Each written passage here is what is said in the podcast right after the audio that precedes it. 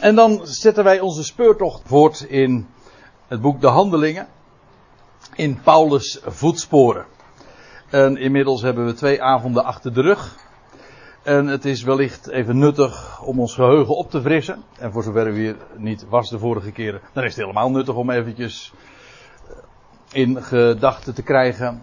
En eh, voor ogen te krijgen wat er besproken is. In handelingen 7 en 8, daar hebben we de eerste avond aan gewijd. Daar zien we een introductie van de figuur van Saulus, die tot handelingen 13 consequent Saulus heet. Net zo consequent als dat hij vanaf handelingen 13 Paulus heet. De vervolger van de Ecclesia. Ik heb expres dat met kapitaalletters geschreven, want we hebben de vorige keer ook gezien dat hij zich in, in Galaten 1 ook een overtreffende vervolger van de gemeente noemde. Noemt, en dat betekent dus dat hij van alle anderen, met name in de kring en vanuit de kring van het Sanhedrin, die de Ecclesia vervolgde, was hij degene die daaraan superieur was. Hij, en we zullen dat trouwens uh, ook vanavond nog wel zien. Trouwens, we hebben dat nu uh, inmiddels al een paar keer zelfs gezien. Hij was degene die het initiatief nam tot de vervolging, met name dan ook van de weg in het buitenland. Ja, dat was inderdaad handelingen 9. We hebben gezien, dat waren de eerste versen van het hoofdstuk wat we nu dus ook vanavond onder ogen zien. Namelijk dat hij het zelf het initiatief nam om brieven van de hoge priester te vragen, dat wil zeggen autoriteit, die hem autoriseerde om naar het buitenland toe te gaan en daar mensen van de weg, want zo wordt dat dikwijls in het boek Handelingen genoemd, ook dat hebben we besproken, om mensen van de weg gevangen te nemen. Hij was degene die dat initiatief daartoe nam. En dan vervolgens krijgen we in Handelingen 9 dat belangrijke relaas, dat blijkt wel, want het wordt drie keer in het boek de Handelingen besproken en verhaald. Handelingen 9, Handelingen 22, Handelingen 26. Uitgebreid wordt de geschiedenis verteld van de roeping van Saulus. Wat wel onderstreept dat het de meest markante gebeurtenis is in het hele boek de Handelingen.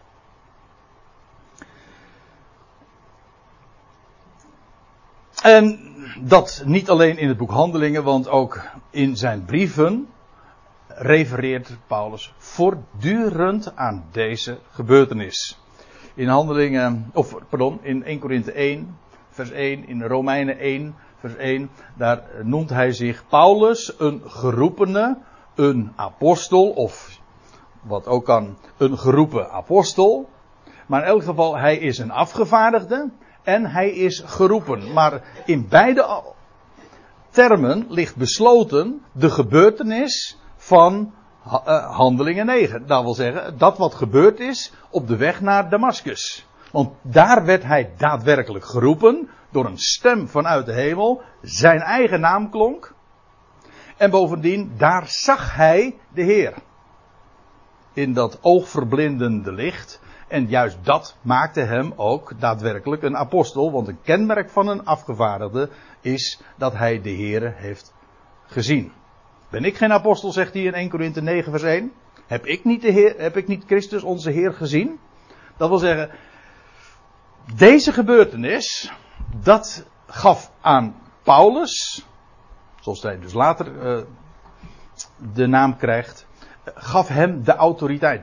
Dit is het grote omslagpunt. Natuurlijk, de Heer is later ook nog aan hem verschenen om hem te onderwijzen in Arabië, etc. Maar dit is het omslagpunt. Met recht de ommekeer. En verder hebben we de vorige keer met name ook stilgestaan bij een aantal details die verhaald worden in Handelingen 9 over de roeping van Saulus. En uh, trouwens ook wel wat gecombineerd met die andere verslagen die we dus in de andere passages treffen. Dus in handelingen 22 en handelingen 26. Als je de gegevens dus met elkaar combineert, dan blijkt je uh, nog veel meer aan de weten te komen dan alleen maar handelingen 9. Het was op de weg naar nabij Damascus, weten we. Het was rond het middaguur dat het hele reisgezelschap omstraald werd met een licht schitterender dan de zon. Zo wordt dan elders dan weer verhaald. En allen vielen juist daardoor ook ter aarde. Niet alleen Saulus, maar ook het hele reisgezelschap. Vervolgens zijn de reisgenoten van, van Saulus. Uh, dat lees je, ze waren sprakeloos om wat er gebeurde. Ze horen wel het stemgeluid, ze zagen dus het licht, het, het oogverblindende licht. Ze hoorden wel het stemgeluid, het geluid, maar ze weten, maar ze konden niet verstaan, ze konden niet horen wat er gezegd werd. Ook daarover hebben we het gehad, want er, staat, er is een klassieke uh, tegenstrijdigheid die altijd wordt opgevoerd over de verslagen in het boek Handelingen, die, die met elkaar niet in overeenstemming te brengen zouden zijn. Dat blijkt helemaal niet aan de orde te zijn als je gewoon de loep op de, op de tekstverslagen legt, want dan blijkt juist met precisie het weergegeven te worden. Ze hoorden het wel, maar ze verstonden het niet. Dat gebeurt heel vaak trouwens. Of ze zagen wel het licht, maar ze zagen niemand. Ze zagen het licht, maar niet de gestalte. En Saulus hoort dan in het Hebreeuws tot hem zeggen: Shaul, Shaul, want dat is een Hebreeuwse naam. Herinnert natuurlijk aan de beruchte koning die ooit David vervolgde. En hier gaat het over Saul, Saul, die de zoon van David vervolgde. Een opmerkelijke parallel trouwens. En die Saul, Saul, Shaul, gevraagd betekent zijn naam. Die kwam trouwens ook uit de stam van Benjamin. Net als uh, deze Saulus. Dus de, de overeenkomsten, de parallellen stapelen zich op. En dan is het de Heer die zich aan hem voorstelt. De Heer, dat is het eerste ook wat hij, Paulus dan zegt, of Saulus dan zegt van wie bent u Heer? Als, als tot hem gezegd wordt: Saul, Saul, wat vervolg je mij? Wie bent u, Heer? En dan, zegt, en dan krijgt hij als antwoord, als eerste antwoord, want er blijkt nog wat meer gezegd te worden. Zo weten we uit die andere verslagen. Ik ben Jezus die jij vervolgt. Nou, de, dit antwoord, dat is natuurlijk het hart van de omslag, van de totale verandering. En je, je kunt je wel voorstellen dat Saulus' wereld hier bij deze gelegenheid compleet in elkaar stortte. Alles wat hij had opgebouwd, alles waarvan hij dacht dat hij juist zo godvrezend en godsdienstig en orthodox bezig was, het blijkt dus allemaal volkomen ernaast gezeten te hebben. En dan zeg ik het nog netjes. Nou, tot zover waren we ongeveer gekomen. Oh ja, als je een rijtje maakt, dan moet je natuurlijk wel tot zeven kunnen tellen. Hè? Want anders is het niet vol.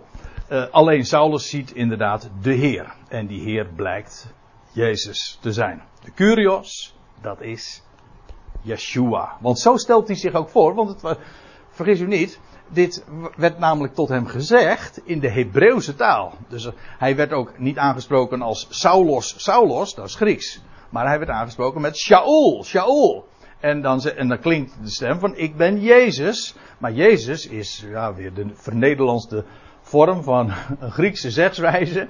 Maar in ieder geval Isus. Hè. Maar in het Hebreeuws is het Yeshua. En dat hoorde hij. In een Hebreeuws dialect was het dat hij het hoorde.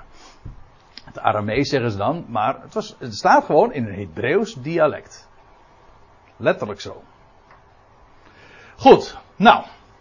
En dan gaan we verder, want we waren bij vers 7 gebleven. Ook dat was natuurlijk erg mooi. En dan beginnen we nu bij vers 8. Ik zeg dat was erg mooi, want daar ben ik, heb, heb ik natuurlijk totaal niet op toegelegd. Maar goed, dat kwam zo uit. Nou, en dan. Ja, de, het laatste vers, dat is wellicht nog eventjes nuttig. De, dat er dat we besproken hebben, dat was vers 7. En de mannen die met hem reisden stonden sprakeloos, daar zij wel van de stem hoorden, van het geluid hoorden, maar niemand zagen. En dan, vervolgens in vers 8, en Saulus stond op, maar weet je wat nou zo leuk is? Uh, ja, er staat, kwam overeind.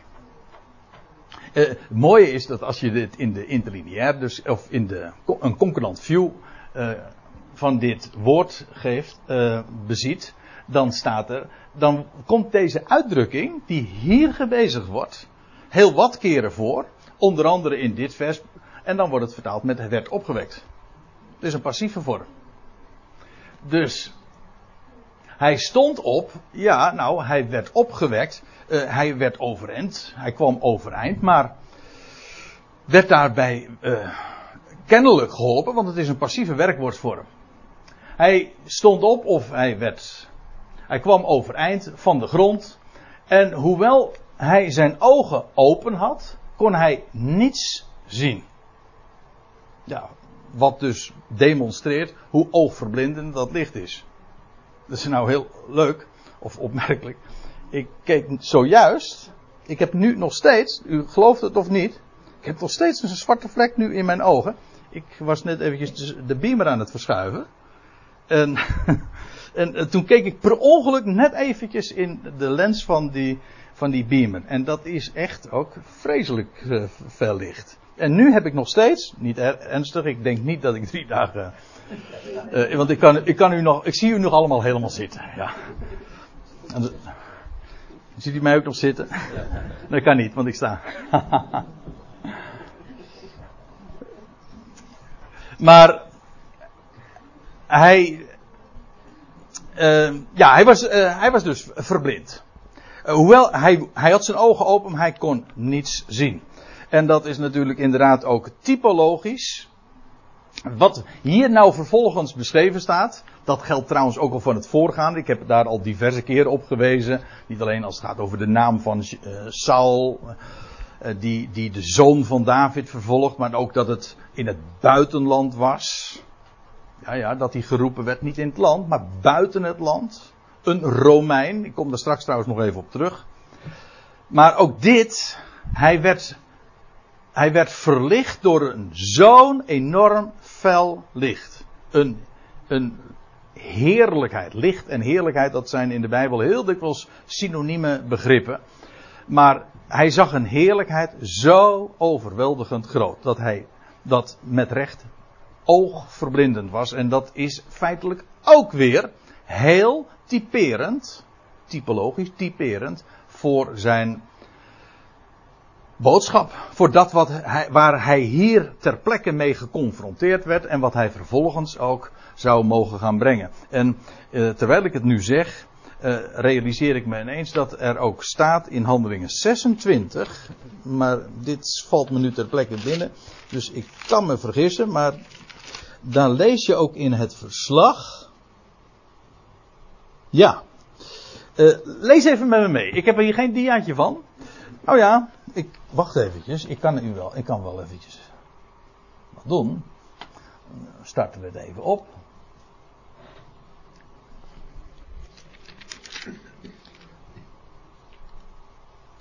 In handelingen 26, wat was het? Vers pakweg 25 of zo? Nee. Ja, Kunt u het hier een beetje zien trouwens? Nou ja, ja jij niet, Mini, dat weet ik. Oh, jij juist wel. Mini nam er wel de Bijbeltje mee, maar niet de leesbril. Ja, dan heb je. um, ja, dan hier, hier dus ook dat andere verslag waar ik nou al een paar keer eventjes naar verwees in Handelingen 26, als die voor koning Agrippa staat en zijn verhaal doet. En uh, dan, dan klinkt dus ook uh, dan is het de Heer die het antwoord geeft. Ik ben Jezus die jij vervolgt. Maar richt u op, dat is wat dus door Jezus tot hem gezegd wordt. Maar richt u op, sta op uw voeten, want hiertoe ben ik u verschenen om u aan te wijzen als dienaar en getuige daarvan dat gij mij gezien hebt en dat ik aan u verschijnen zal. Dit, is, dit betekent dus dat het niet bij deze ene verschijning gebleven is. Nee, ook daarna is de Heer, Jezus, aan Saulus verschenen. Uiteraard om hem te onderwijzen. En uh, vervolgens, u verkiezende uit dit volk en de natieën waarheen ik u zend. En nou, nou komt het, want daarom verwijs ik er even naar. Om hun ogen te openen uit uh, tot bekering. Mee... Nee, dit is inderdaad die omkering. Tot, uh, tot omkering uit de duisternis tot het licht en van de macht van Satan tot de God. Maar het ging me eventjes uh, om die ene uitdrukking van dat is de boodschap die hij bracht, namelijk een boodschap van licht. Woord en licht is in de Bijbel ook al vaak zo synoniem. Alle dingen zijn geworden uit het woord en het, en het woord was het licht der mensen. Zo was het toch? Woord en licht. En uw woord is een licht op mijn pad. Wel, die boodschap van Paulus is een woord van oogverblindend licht. Dat is wat hij zag. Aan de, heeft hij aan de lijve ondervonden. Maar dat hij dat zo aan de lijve ondervond, dat is een uitbeelding van een geestelijke waarheid. Goed. Uh, hoewel hij zijn ogen open had, kon hij niet zien. Uh, en zij leidden hem bij de hand en ze brachten hem naar Damascus. En als je dit nu eventjes helemaal in zijn, in zijn context bekijkt en ook uh, vooral ook in het licht van wat je eerder las in het, aan het begin van dit hoofdstuk, dan is dit toch eigenlijk wel heel, ja, een, een afgang. Of in ieder geval, je ziet hier iemand die totaal in al zijn activiteiten ontmanteld is. Iemand die het initiatief nam, die naar de hoge priester ging, het hoogste godsdienstige gezag. En daar autoriteit krijgt om daar uh, naar Damascus te gaan. En op de weg daar naartoe overkomt hem dit. Totale omkeer en bovendien, en nou vervolgens mag hij aan het handje uh, naar Damascus geleid worden. Hij had die anderen nodig, want hij kon helemaal niks meer zien. Hij werd een afhankelijke man. Ook dat is typologisch, lijkt mij. Een man die zelf altijd uh, zich uh, uh, zo hoog en zo prestigieus over zichzelf dacht. En nu werd, het, werd deze man ja, geconfronteerd met genade. En zou hij voortaan geleid worden. En dat is wat hier gebeurt. Bij de handleidende uh, leidden zij hem naar binnen, tot in Damascus.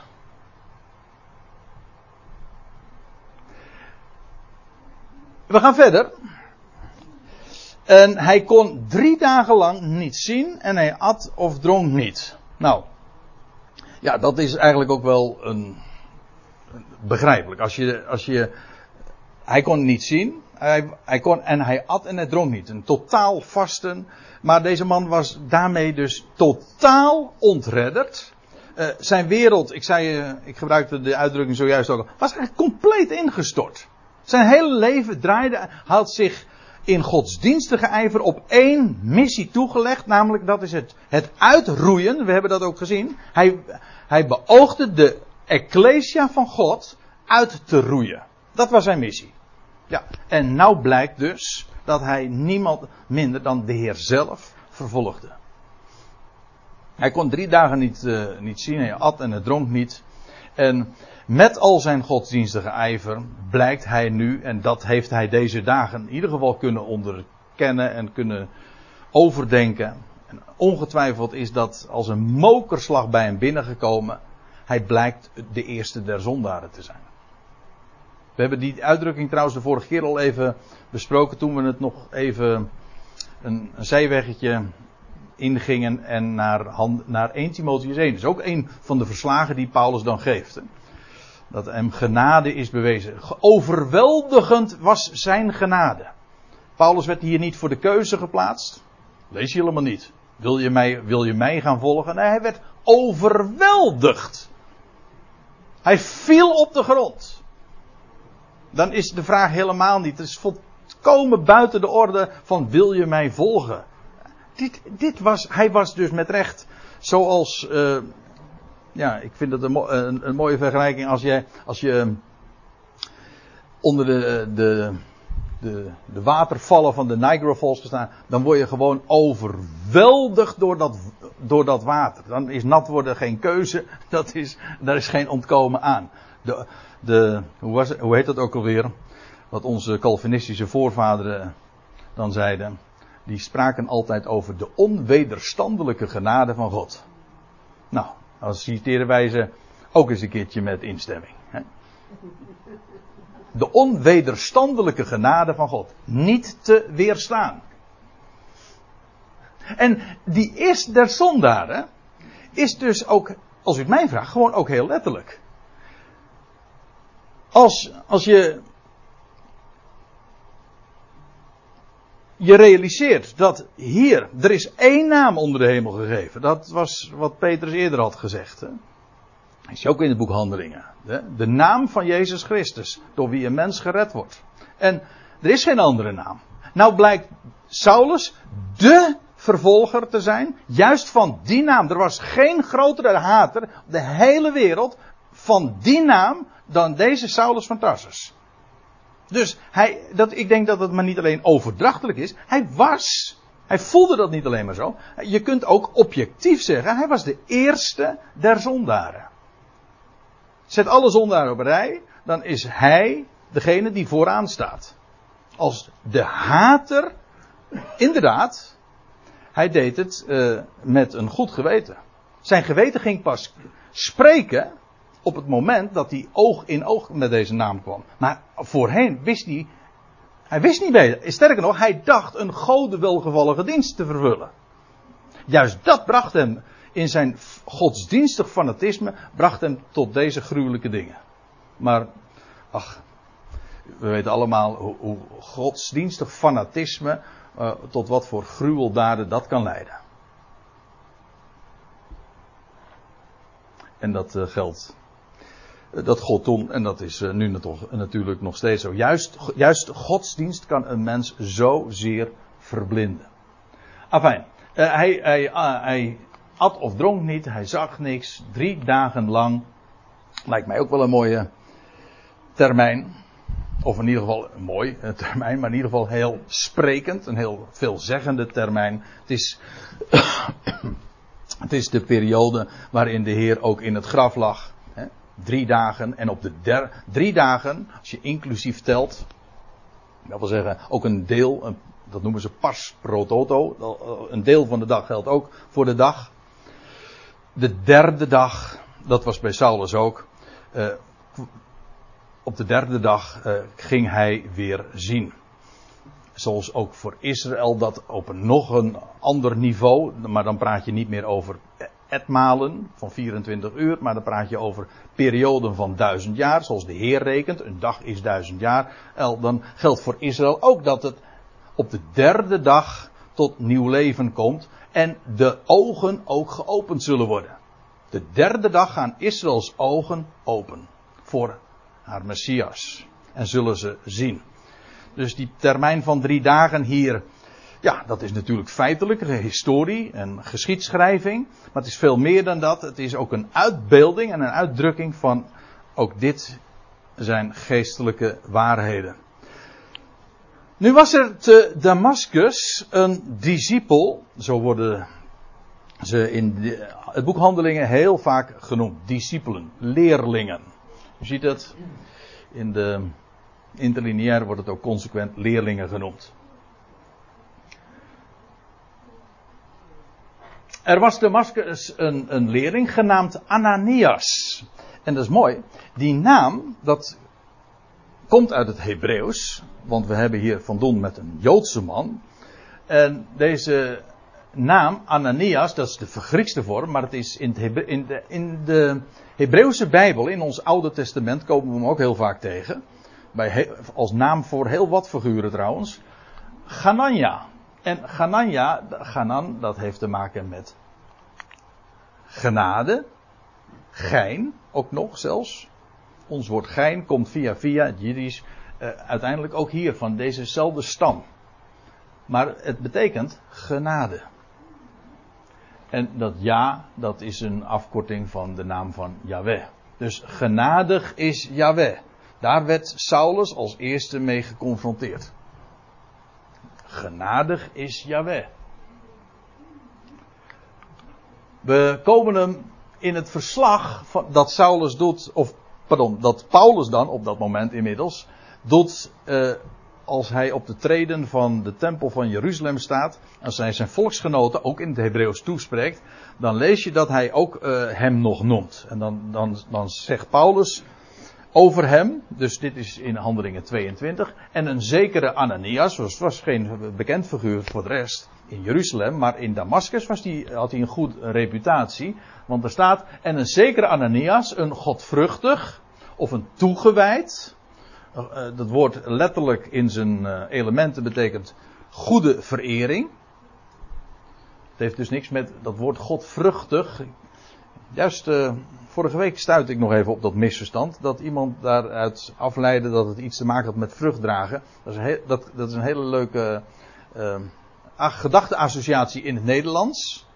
En op zich niks mis mee, want de Bijbel kent die beeldspraak ook. Maar het heeft niks te maken met dit woord. Want het, het heeft te maken met toewijding, met goede verering. Met godsvruchtig. Heeft dus niks met fruit of met vruchtdragen of zo te maken. Ik heb begrepen, maar nou moet ik erg uitkijken dat het te maken heeft, dat het weer verband is aan het, ons, aan het Duitse woord uh. En dat is dan Gods vrezen. In elk geval, uh, Ananias was een uh, godvruchtig man, een toegewijd man naar de wet. Dat wil zeggen naar de Joodse wet. Dat blijkt ook wel, want van wie alle Joden die daar woonden een goed getuigenis gaven. Dus deze man was een Joods, een orthodox, zal ik maar zeggen, een levende man, een Joodse man, en die een prima reputatie had bij de Joden daar in Damascus. Ananias was zeker niet één iemand die gevlucht was. Ik, nou ja, misschien dat ik er straks nog even op terugkom. Maar hij was daar gewoon echt in Damascus woonachtig. Afijn, we, we lezen verder. Uh, er was Damascus een, een discipel genaamd Ananias en de Heer, de Curios, die zeide tot hem in een gezicht, in een visioen, Ananias. En hij zeide, zie, hier ben ik, Heer. En de Heer zei tot hem, sta op en ga naar de straat die de rechte heet. Ja, vind ik altijd mooi. Ik, uh, wij, jarenlang kwam er bij ons altijd een. Uh, een uh, jij bent in die straat geweest, Dora? Ik nog nooit. Trouwens, volgens mij, als je nu naar Damascus gaat, dan zie je helemaal geen straten meer. Ja, dat is een wrang grapje, maar. ik heb begrepen, trouwens, dat deze straat. Wat wou ik er nou over zeggen? Oh nee, ik wou, ik wou nog iets anders zeggen. Wij, wij zijn, waren thuis vroeger uh, geabonneerd. Ik weet niet eens of het blad nog bestaat van dominee Hegger. In de rechte straat, ja. Dat kwam van dominee Hegger, die inmiddels trouwens ook overleden is. En uh, ja, dat blad dat heette In de rechte straat. Dat is een maandblad als ik me niet vergis. En dat is hier dus aan ontleend. Volgens mij wordt het maar één keer genoemd. Namelijk hier in Handelingen 9, vers 11. 9-11, ja. En die straat uh, heet De Rechte. En over typologie gesproken, dat lijkt mij ook wel veelzeggend. Want waar bevindt Saulus zich? In de rechte straat. Ja, sinds, hier, sinds dit moment bevindt hij zich op de goede weg in de rechte straat. En wat ik trouwens. Sorry? Op het rechte pad. Op het rechte pad was die gebracht, ja. En hoe, al, hoe krom zijn pad ook was, de Heer heeft het allemaal weer recht gezet. Ja, mooi. Je kan zeggen van ja, toevallig heette die straat de rechte. Nou, daar geloof ik dus niet in. Dat is allemaal mooi design. De Heer heeft dat prachtig geregeld. De straat, de straat trouwens, ik las in de handboeken, en dat vond ik ook wel aardig. De straat die Linea Recta, ook wel een leuke, recta, recht, uh, van de oost. Het was inderdaad een, uh, een, een straat die recht, hij werd niet voor niks recht genoemd, van de oostpoort naar de westpoort of vice versa uh, liep. precies ook de, het pad dat Saulus zou gaan volgen de weg naar het westen. Nou ja, ik geef het maar even ter overweging. En dan staat er nog iets bij, die vind ik ook mooi. Want hij, waar was Saulus? In de, inmiddels nu in Damascus gebracht, in de rechte straat. Ja, dat is één ding. Eh, maar hij was ten huize van Juda. Dat wil zeggen, in het huis van Juda. En als ik dit zo zeg, ja, Judas staat hier, maar dat is gewoon de Griekse vorm van Juda dat is exact hetzelfde. Judas en Judas en Juda is exact hetzelfde, hetzelfde woord, hetzelfde naam. Maar het huis van Juda, ja, uh, hallo, dat is een uitdrukking die we natuurlijk zo dikwijls in de Bijbel aantreffen. En uiteraard, het staat als uh, geen ander model voor het Joodse volk, het huis van Juda. En waar bevond Saulus zich? Inderdaad, in het huis van Juda. Daar werd hij, uh, daar, daar lagen zijn roots. Dat zou ook een belangrijke plaats in zijn roeping gaan innemen. Kom er straks nog op terug, naar aanleiding van wat er tegen Ananias gezegd wordt. Maar, uh, dat is de ene kant van zijn positie in het huis van Juda. Aan de andere kant, staat er, eh, want dat, laten we eventjes nog uh, het, de grote samenhang uh, dat is altijd een beetje een punt. Hè? Als je dan in de details inzoomt, dan weet je even niet meer waar ging het ook alweer over. Nou, er wordt tegen Ananias dus gezegd door de Heer: eh, ga naar de, de straat die de rechte heet en vraag ten huize van Juda, Judas, naar iemand uit Tarsus, genaamd Saulus. En Tarsus is dus, de, dat was de hoofdstad daar van, het, van Cilicië, zeg ik het goed? Cilicië, ja. Niet Sicilië, nee, Cilicië in Zuid-Turkije. En daar kwam deze Saulus vandaan. Zodat Saulus aan de ene kant getypeerd wordt in het huis van Juda. Aan de andere kant afkomstig uit Tarsus. Een heidense stad. Een Romeinse stad. En op dat snijvlak bevindt Paulus' bediening zich ook. Aan de ene kant dus een Jood. Dat is belangrijk voor zijn bediening. Hij is een Jood. Hoe vaak zegt hij het niet? Ik ben zelf een Jood. Ja, aan de andere kant, hij is een apostel van de natieën. Eigenlijk van, van, van huis uit al. Hij was geroepen, hij was een man die niet zoals de twaalf uit het land kwamen. Nee, hij, werd hij was iemand die vanuit Tarsus kwam. Een Romein. En men zegt ook, we komen daar later ongetwijfeld nog over te spreken, want het is een hele boeiende kwestie. Uh, de naam Paulus, men zegt dan van ja, dat, die naam kreeg hij uh, pas in Handelingen 13. Dat is nog maar de vraag. Want er wordt ook verdedigd, nogmaals, ik ga er nu verder niet op in, maar dat dat gewoon zijn Romeinse naam was. Dus dat Saulus uh, zijn Joodse naam was en Paulus was zijn naam als Romein. Want vergis u niet, Paulus, of Saulus, net hoe, u het zeggen wil, was van huis uit ook een Romein. Hij had het Romeinse burgerrecht. Dus hij was en in het huis van Juda, maar tegelijkertijd, hij was iemand uit Tarsus, een Romein. En dat maakte hem ook zo geschikt om een apostel van de natieën te zijn. Ja, in het huis van Juda, maar een Romein. En hij had de naam Saulus. En dat wordt dan tegen deze Ananias, deze Ganania gezegd. Want zie, hij is in gebed. Hij zoekt de Heer. Hij heeft in een. En hij heeft. Dat is leuk. Ananias krijgt dus een gezicht. En daarin worden hem dingen verteld. En in dat gezicht wordt hem verteld van. Uh, en, door de Heer. En hij, Saulus, uh, hij, Saulus, heeft in een gezicht, dus Saulus had ook al, al eerder een gezicht gezien, eerder dus dan Ananias zelf, heeft in een gezicht een man genaamd Ananias zien binnenkomen. Dus Saulus wist al eerder, er komt iemand naar mij toe, met een, eh, waarvan ik de naam al weet. Ananias. Ganania. Ja. En ik herinner er weer eventjes aan. Ganania is, genadig is Jahweh. Dus Saulus, hij was daar in de rechte straat, in het huis van Juda. Die man uit Tarsus, jawel. Maar hij was in een gezicht, had hij al. Hij kon niks zien, hij, hij kon niks zien, nog. Maar hij had toch een gezicht gekregen. Soms kun je met je ogen dicht heel veel zien. Nou, dat was met, uh, met Saulus hier dus ook het geval. Zijn ogen waren dicht, maar hij kreeg een gezicht te zien. En hij kreeg te horen, er komt iemand naar jou toe met de naam. Het wordt heel uitdrukkelijk zo gezegd. Want, ja, goh, waarom? Hij, waarschijnlijk kende hij die naam Ananias helemaal niet, maar het wordt, die naam wordt vermeld. Er komt iemand naar jou toe, Ganania.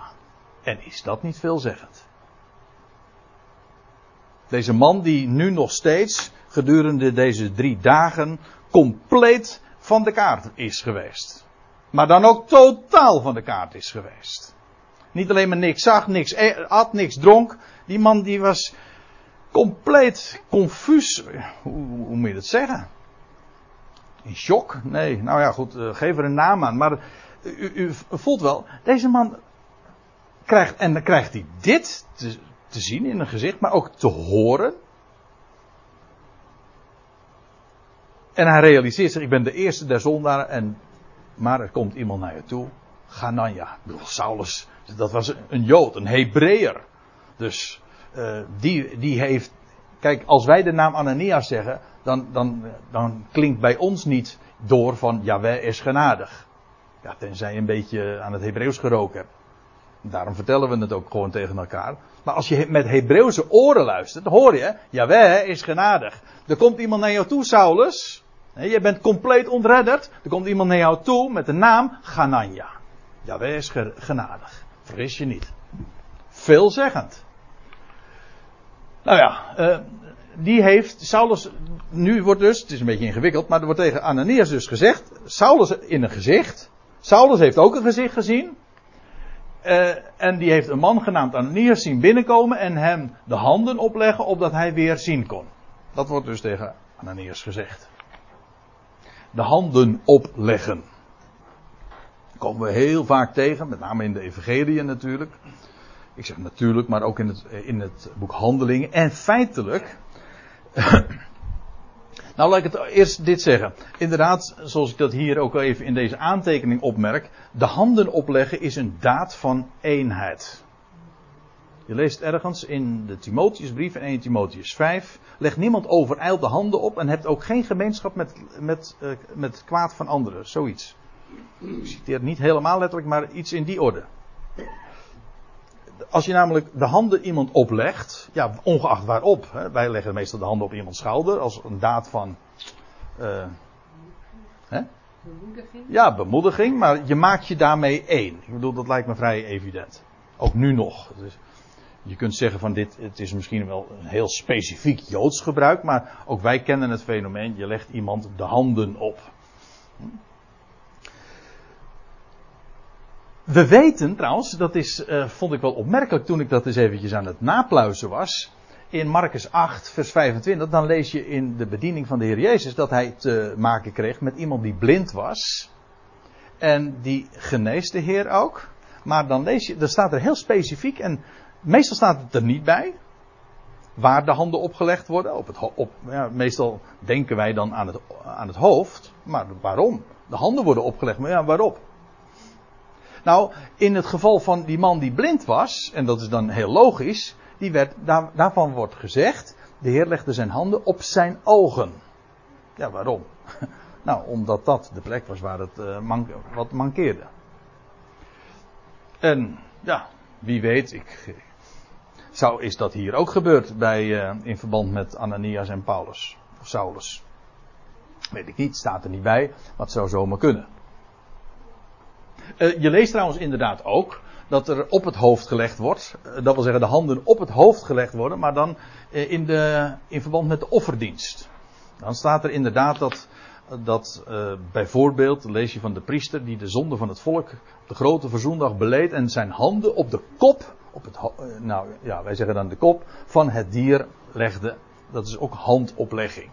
Het is een belangrijk Hebreeuws ritueel, toch wel. Ik zeg al, ik, of ik zei al zojuist, ook wij kennen dat gebruik van de handen opleggen. Maar bij de Hebreeën speelt het, is het heel fundamenteel. Nu heb, moet ik weer iets zeggen waarvan ik geen dia heb, maar dat komt omdat het me ter plekke te binnen schiet. Want je leest namelijk in Hebreeën 6. Dat is een hele tijd geleden dat we het hier uh, over dat vers hebben gehad. Maar in Hebreeën 6, lees het nog eventjes met mij na. Ja. Waarbij het de context misschien wat uh, complex is, maar daar, dat hebben we allemaal al uh, keurig opgelost. In Hebreeën 6, u weet, de brief is geschreven aan Hebreeën en dan wordt er gezegd, uh, wordt er gesproken over zonder opnieuw het fundament te leggen. Hebreeën 6 vers 2. Zonder, oh, waarom leggen? Sorry, ik doe het even zo natuurlijk.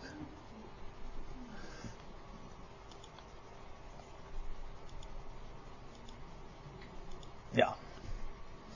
Uh, zonder opnieuw het fundament te leggen van bekering van dode werken, van geloof in God. Dit is, hier gaat het, ik, zonder dat ik dat nu verder kan toelichten, maar in ieder geval, het gaat hier over het fundament wat die Hebreeën al van ouds herkenden. Het gaat hier niet over Bijbel, over waarheid, nieuwtestamentische waarheden, die worden hier helemaal niet eens genoemd. Het gaat hier allemaal over waarheden die deze Hebreeën van oudsher als Hebreeën in die hoedanigheid kenden. Dat was hun fundament. He, uh, bekering van dode werken, van geloof in God. En dan wordt er ook gezegd, nog vervolgens, van een leer van dopen.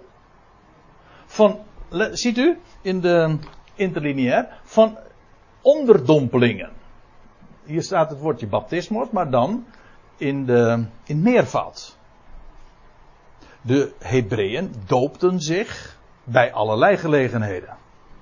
Denk nou alsjeblieft niet dat de waterdoop een, eh, een christelijke of een nieuwtestamentische uitvinding is, want dat is absoluut niet waar. De, dat hoort bij het fundament van de Hebreeën. Wassingen, rituele wassingen, want dat is wat een doop eigenlijk is, dat kenden de Hebreeën. Dat was voor hen fundamenteel. Hoorde bij het ABC. Van dat wat zij geloofden en wat ze beleden, wat ze praktiseerden. Uh, een leer van doop, en nou komt het, kom ik eigenlijk bij mijn echte punt. En van oplegging der handen. Dat wordt dus een, wordt ook genoemd bij, als behorend tot het fundament van die Hebreeën. De Hebreeën, de Joden, die kenden dit. Was heel elementair voor hen oplegging van handen, met name in de offerdienst. Opstanding van, oordeel, eh, van, van doden en een ionisch oordeel. Een eeuwig oordeel. Maar goed. Dat, is al, dat waren die elementen, die kenmerken van dat fundament. Wijs er nu eventjes op. Oplegging van handen, dat kenden de Hebreeën maar al te goed. Was voor hen een heel elementair gebruik.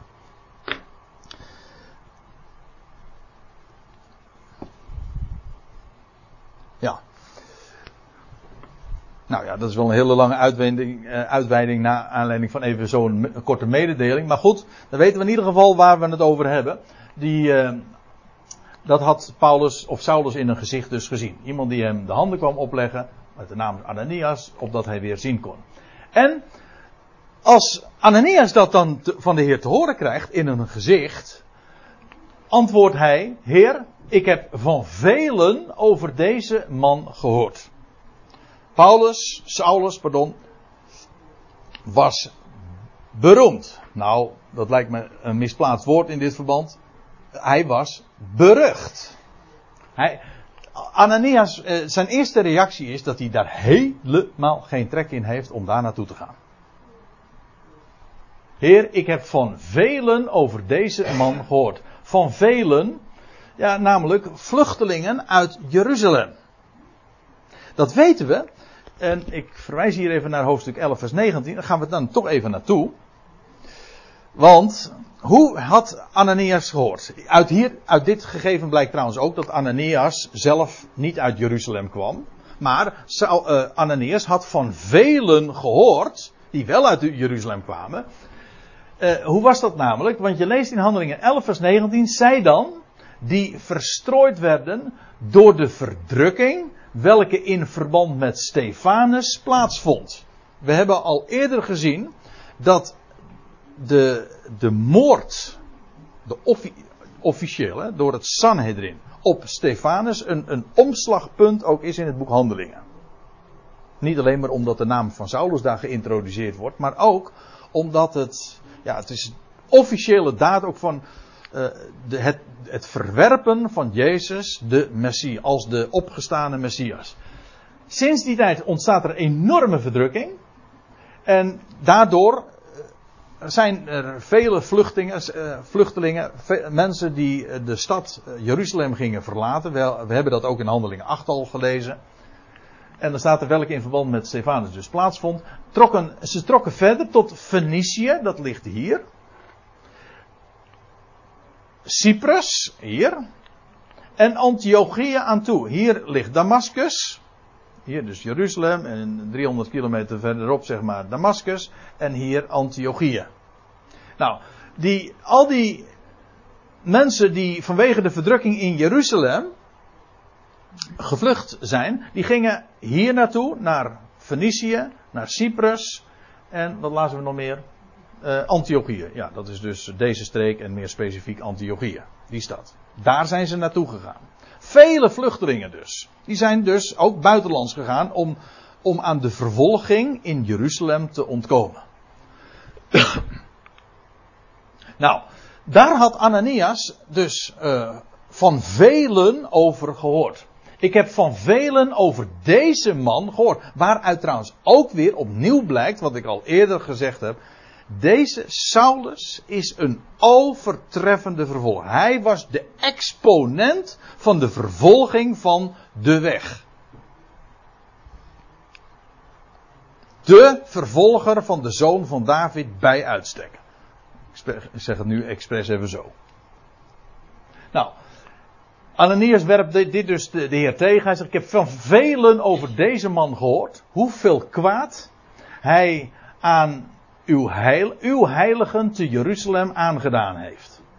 Hoeveel kwade dingen hij dat uh, hij doet. Staat hier onbepaald. U ziet het. Als feit wordt dat gesteld. In Jeruzalem heeft hij hen aangedaan. En dat was dus allemaal deze Ananias ter oren gekomen. En daarom was hij uiteraard niet zo happig om, om, uh, om naar, naar uitgerekend Saulus toe te gaan. En hier. En bovendien was er deze Ananias, deze Ganania, ook niet ontgaan. Wat hij nu vervolgens zegt. Als tegenwerping tegen de Heer. En hier heeft hij, hier in Damascus, heeft hij volmacht van de overpriesters. Hij is geautoriseerd door de overpriesters. Dat wil zeggen, dat zijn de priesters uit het hoge priesterlijk geslacht. Overpriesters. Weet u dat? Ja, u ziet het in de interlineair. Dat zijn gewoon hoge priesters. Je denkt bij het woordje overpriesters dat dat weer iets anders is dan hoge priesters, maar dat is niet waar. Een overpriester is hetzelfde als een hoge priester. Maakt geen enkel verschil. Als u niet geloven wilt, dan moet u maar dat eens aan mij nou vragen, want die is verantwoordelijk voor deze tekst. heb je er meerdere? Ja.